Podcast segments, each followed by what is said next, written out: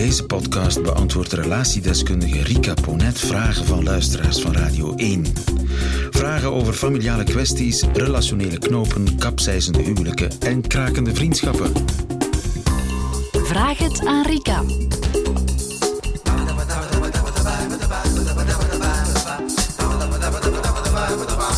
Vicky is 36 en schrijft het volgende.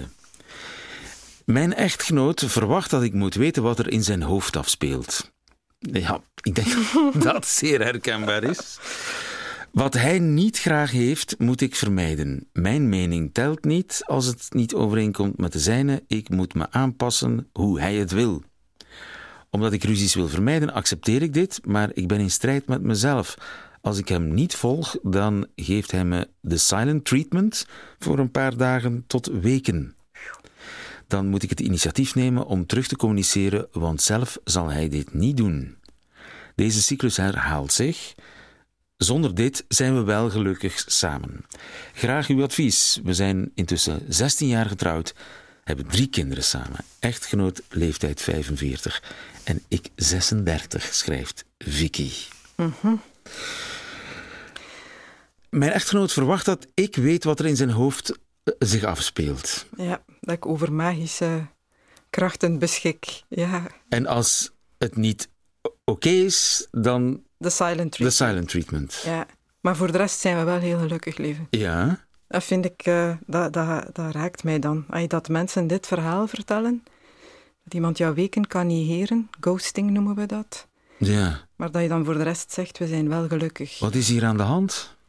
Ehm, ja, je hoort vandaag, eh, als het niet goed gaat in relaties, dan wordt er vandaag eh, het, het, eh, de term of de definitie, of hoe zou ik het moeten zeggen, het label dat er vandaag opgekleefd wordt, is altijd weer het narcisme. We moesten er ooit eens bij komen, denk ik. En dit speelt ehm, zich hier toch wel eens. Dit is wat we noemen een narcistische dynamiek. Oké. Ehm, ja. Verklaar Ehm, je nader? Ehm, ja, dit is psychische mishandeling, voor alle duidelijkheid. Hè. Eh, zij relativeert dat. En dus daarom dat ik ook zeg van, hoe kan je nu zeggen dat je gelukkig bent als je man je op deze manier behandelt? Als je eigenlijk op geen enkel moment jezelf mag zijn, maar jouw behoeftes niet in de relatie mag komen, er maar één doel is, zijn behoeftes moeten jouw behoeftes zijn. En je moet die is- behoeftes vanzelf en je moet die weten. vanzelf weten, ja. Want dat is eigenlijk ehm, een heel interessante. Ehm, deze man voelt zich extreem ongemakkelijk bij elke vorm van kwetsbaarheid. Eh, het vragen, duidelijk maken van zijn behoeftes en verwachtingen, dat ervaart hij al als een kwetsbaarheid. En het gaat nog verder. Ehm, hij maakt eigenlijk, en want je kan er dan op afgewezen worden, hè. als ik naar jou toe een vraag stel van ik zou graag hebben dat dit of dat gebeurt, en jij zegt nee, dan ervaart dit type mens dit als een enorme ehm, eh, ja, een krenking bijna, een, een enorme afwijzing. En het gaat zelfs verder. Hij wil eigenlijk zijn eigen behoeftes niet voelen of ervaren. Hij maakt iemand anders daar volledig verantwoordelijk voor. Door te zeggen van, jij bent verantwoordelijk voor alles wat hier gebeurt. Hè, en of ik mij daar al dan niet goed bij voel. Eh, jij moet eigenlijk beter weten, jij moet mij beter kennen en mijn behoeftes beter kennen dan dat ik die ken. En ik ga die ook zeker niet naar buiten brengen. Ik wil die eigenlijk niet voelen. Jij moet daarop anticiperen. Dat is eigenlijk bijna wat hij zegt. Ja. Het is een totaal onevenwicht, hè? Dat is een totaal onevenwicht. Ehm, dat maakt ook dat er aan de andere kant iemand moet zitten die alleen daarmee bezig is. Hè. Beeld je dat in, dat je eh, de hele dag alleen maar bezig moet zijn met het afstemmen op de andere. Heeft hij het goed? Eh, loopt het hier goed? Is het hier warm genoeg? Eh, staat het eten op tijd op, op tafel? Enzovoort en Ja, verder. Ja. totaal eenrichtingsverkeer. Ja, dat werkt nooit natuurlijk. Hè. In eerste instantie, ja, ik kan, eh, of niemand kan de behoeftes van iemand anders zomaar lezen. En wat meer is, op heel onverwachte momenten zal zo iemand zich dan toch slecht voelen. Niet zozeer omdat de andere onvoldoende op die behoeftes is ingegaan, maar gewoon, ja, ik voel me niet goed. En dan wordt dat ook teruggespeeld. En dan krijg je betaal ook, je voor dan iets- betaal je voor iets wat je niet gedaan hebt, Ja. wat je zelfs niet fout gedaan hebt. Ja. Dus en dan moet je daar ook nog bovendien, als je dan een paar weken de silent treatment hebt gekregen, moet je daar bovendien ook nog eens Ja. eh, je excuses voor aanbieden. Ja, en dat is dan de narcistische eh, dynamiek. Ja, aan zijn kant zit er duidelijk iemand met narcistische trekken of een narcistische persoonlijkheidsstoornis. Dat kan dan zo ver gaan. Ik wil nog dat er niet opkleven, want ik ben geen psychiater en ik ken de man in kwestie ook niet. En aan haar kant, want dat vind ik altijd uh, het interessantste. Ik wil wat wegblijven van die etiketten. Hij is een narcist en zij is het slachtoffer. Um, dit is een, een relatiedynamiek en je brengt die met z'n tweeën tot stand. Um, zij van haar kant lijkt een slachtoffer, maar heeft evengoed een zeer groot probleem. Um, wat uh, ja, omschrijven dat als iemand die in een vorm van codependency zit, hè, in mede-afhankelijkheid.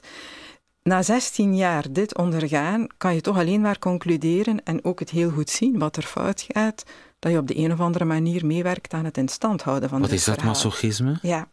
Is dat masochisme? Um, dat is dus een diep uh, uh, geworteld, een diep gewortelde onzekerheid. Um, iemand met een, een, ja, een heel pover ontwikkelde ik, absoluut. Um, en uh, ja, iemand die ook de eigen behoeftes niet kent. Hè, want zij zegt wel of ze klaagt wel, ik kan niet met mijn behoeftes in de relatie komen. mijn vraag is, in welke mate ken jij jezelf en ken jij je behoeftes? Als je 16 jaar aan een stuk alleen maar bezig bent met de behoeftes van de ander, dat is dat waarschijnlijk jouw centrale behoefte. Het bezig zijn met iemand anders zijn behoeftes. Want dan hoef ik niet bij mezelf te landen. Of hoef ik niet bij mezelf te kijken van wat wil ik van het leven? Um, wat wil ik in deze relatie? Ik hang gewoon mijn wagonnetje aan de locomotief en ik rijd gewoon mee. Ik zit niet aan het stuur van mijn leven. Ik laat iemand anders rijden en ik beklaag mij dat ook. Ja. Dus al 16 jaar is dat motortje op die manier aan het, het draaien? Rijden, of aan het, is die auto op die manier aan het rijden? Kun, kun je nog een andere kant op? Dat lijkt mij. Of kun je alleen nog maar simpel. uitstappen? um, ik, ja, uh, velen stappen uit, hè, maar velen blijven ook zitten. En ik denk dat daar wel evolutie in mogelijk is. Hè. Het, is ook nooit, het is ook niet aan mij om mensen te adviseren, stap daaruit. Hè. Dat moet iedereen voor zichzelf Is het mogelijk dat het stiekem dat is wat ze wil en dat ze eigenlijk misschien gelukkig is? Um, is dat mogelijk? Ik, goh, ik denk niet dat mensen daarin gelukkig zijn. Ik geloof ook niet van zijn kant dat hij daarin gelukkig is. Je ziet vaak ook dat zo'n dynamieken na verloop van tijd ook al eens escaleren. Hè. Dat, um, uh, ja, er zit bij hem een enorm um, onderontwikkeld gedeelte wat dan uh, richting verbinding en het opnemen van verantwoordelijkheid voor je eigen behoeftes um, betreft. En aan haar kant ja, zit er een enorme opdracht richting het ontwikkelen van een ik. Hè. Ja. Uh, zijn Maar zijn bedoel, behoeftes bepalen alles. Het lijkt alsof je zegt, het, zij maken dingen in elkaar wakker. ja. Het is niet, het is, misschien passen ze op die manier niet bij elkaar, om, aangezien ze die dynamiek ja. schijnen voor te brengen. Ehm, nu, dat zijn dingen die je natuurlijk meeneemt vanuit. dit zijn dingen die je meeneemt vanuit je opvoeding, vanuit je, kindertijd. Dat zijn zaken die, eh, die je thuis ook ondergaan hebt, of rollen die je thuis opgenomen hebt. Aan de ene kant waarschijnlijk iemand die ja, heel erg verwend kan geweest zijn, eh, de prins was. En aan de andere kant iemand die eh, heel hard geleerd heeft van zich aan te passen.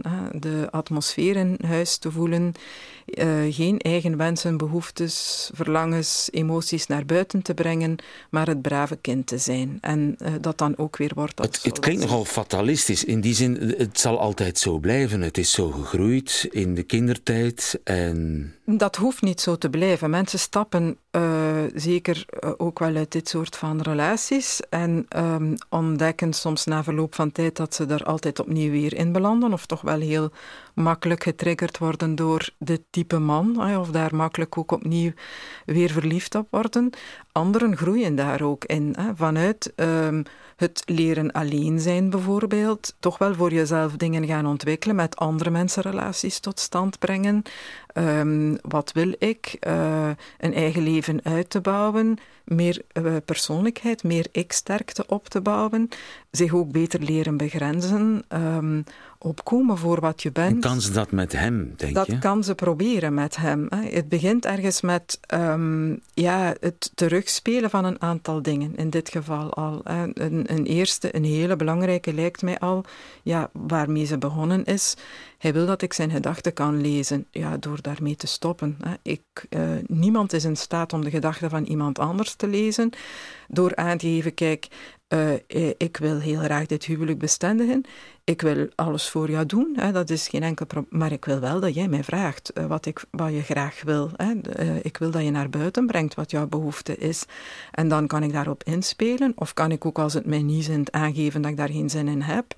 Um, maar ik wil wel dat jij uh, verwoordt wat je graag wil. Van mij verwachten dat um, ik lees wat jij wil, uh, dat kan niet. Dat gaat dus die niet. relatiedynamiek die kan aangepast worden.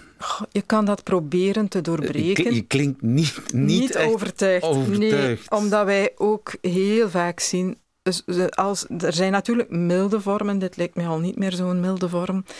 Uh, als ze weken de silent treatment krijgt, je moet je dat eens heel goed voorstellen. Hè, leven dat je met iemand samenleeft. Uh, en je zet die avond, ik zeg maar wat, boontjes met uh, varkensfilet op tafel. En dat was die avond niet zijn behoefte. Hij wou spaghetti eten, maar... en, dan, en zo over zo'n dingen gaat dat. Hè. En daar wordt hij dan boetend voor. En dan krijg je gedurende twee weken nog beeld, nog klank. Ja, ja hoe hoe positief kan je daarover zijn of uh, hoeveel beweegruimte zit daarin? En heel vaak zijn, uh, ja, dit is dit type vrouw uh, heel erg gevoelig voor die manipulatie, voor schuldinductie. En ja. voelen zich heel snel schuldig. Um, gaan, zijn ook heel conflictvermijdend, dat zegt ze ook. Hè. Ik blijf heel hard weg van conflict. kunnen Het klinkt alsof er een professioneel iemand zich met dat, deze zaak moet bezighouden. Ik denk dat um, ja, als je daar echt iets wil aan doen en hij is bereid om mee te gaan, dat een stap naar een therapeut een, een zinvolle stap kan zijn. Maar ik vrees dat hij niet bereid zal zijn om mee te gaan. Want ja, mensen die zo in elkaar zitten, hebben geen probleem. Uh, en willen misschien meegaan als zij zegt dat zij een probleem heeft. Dat het probleem volledig bij haar ligt. Heeft u zelf een vraag voor Rika Ponet? Stuur ze dan naar nieuwefeiten.radio1.be. En wie weet hoort u het antwoord in een volgende podcast. Namen worden sowieso veranderd.